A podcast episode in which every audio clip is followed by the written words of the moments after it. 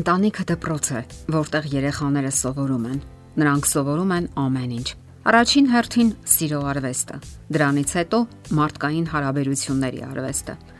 Ընտանիքում բազմաճյուղ հարաբերություններ են՝ ծնողներ, երեխաներ, հնարավոր է նաև այլ հարազատներ։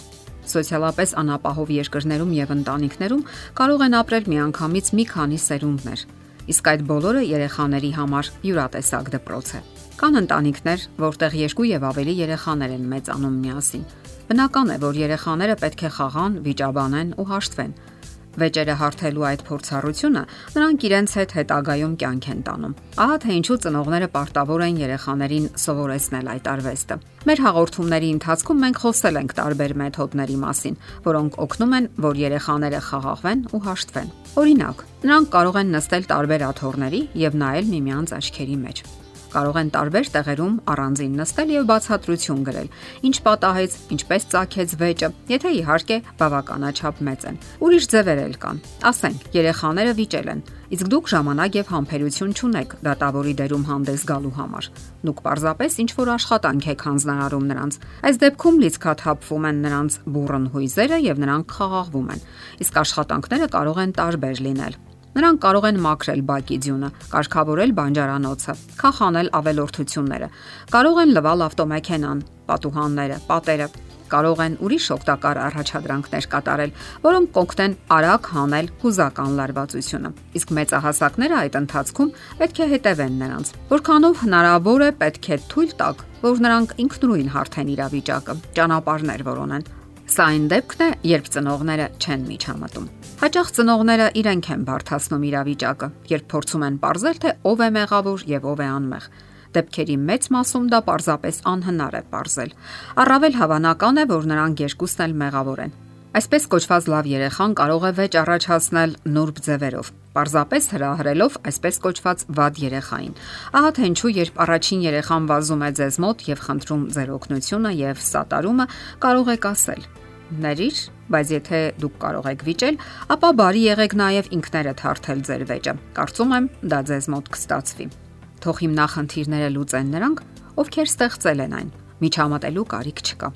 Երբեմն կարելի է երեխաներին ուղարկել ուրիշ սենյակ, որտեղ նրանք կարող են առանձին կարգավորել իրենց վեճը։ Ծնողները երբեմն չեն կարողանում հասկանալ, թե ինչու իրենք չպետք է դատավորի դեր ստանձնեն Նրանք իրենց պարտքն են համարում երեխաներին հորդորել, որ չկռվեն։ Դա իհարկե լավ է, սակայն երեխաները չեն սովորի խուսափել վեճերից հետագայում։ Կա մեկ այլ կարևոր պահ, որը հարկավոր է հաշվի առնել։ Պետք է բոլորին հավասար պայմանների մեջ դնել։ Երեխաներից մեկը կարող է վեճ հրահրել, իսկ դուք չեք գտնի մեղավորին։ Նրանք վիճում են սեղանի շուրջ, Այդ ժամանակ երկուսին էլ դուք կարող եք հravirել սենյակից դուրս եւ թող ներս գան միայն այն ժամանակ, երբ վեճը հարթած կլինեն եւ հանդարտված։ Պետք չէ շատ մտածել այն մասին, որ մեղավորի հետ մեկտեղ կարող եք պատժել նաեւ անմեղին։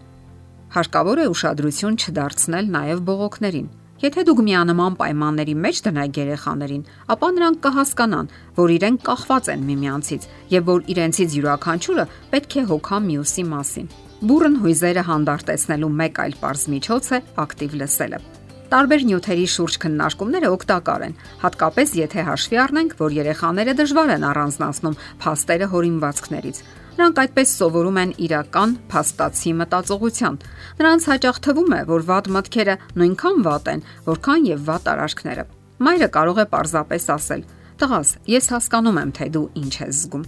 Բոլորի մոտ էլ երբեմն վատ մտքեր առաջանում են։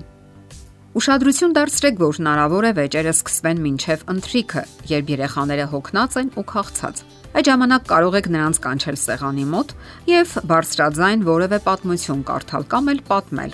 Կարող եք հանելուկներ ասել։ Հանելուկներ գուշակելը եւս կարող է խաղաղեցնել նրանց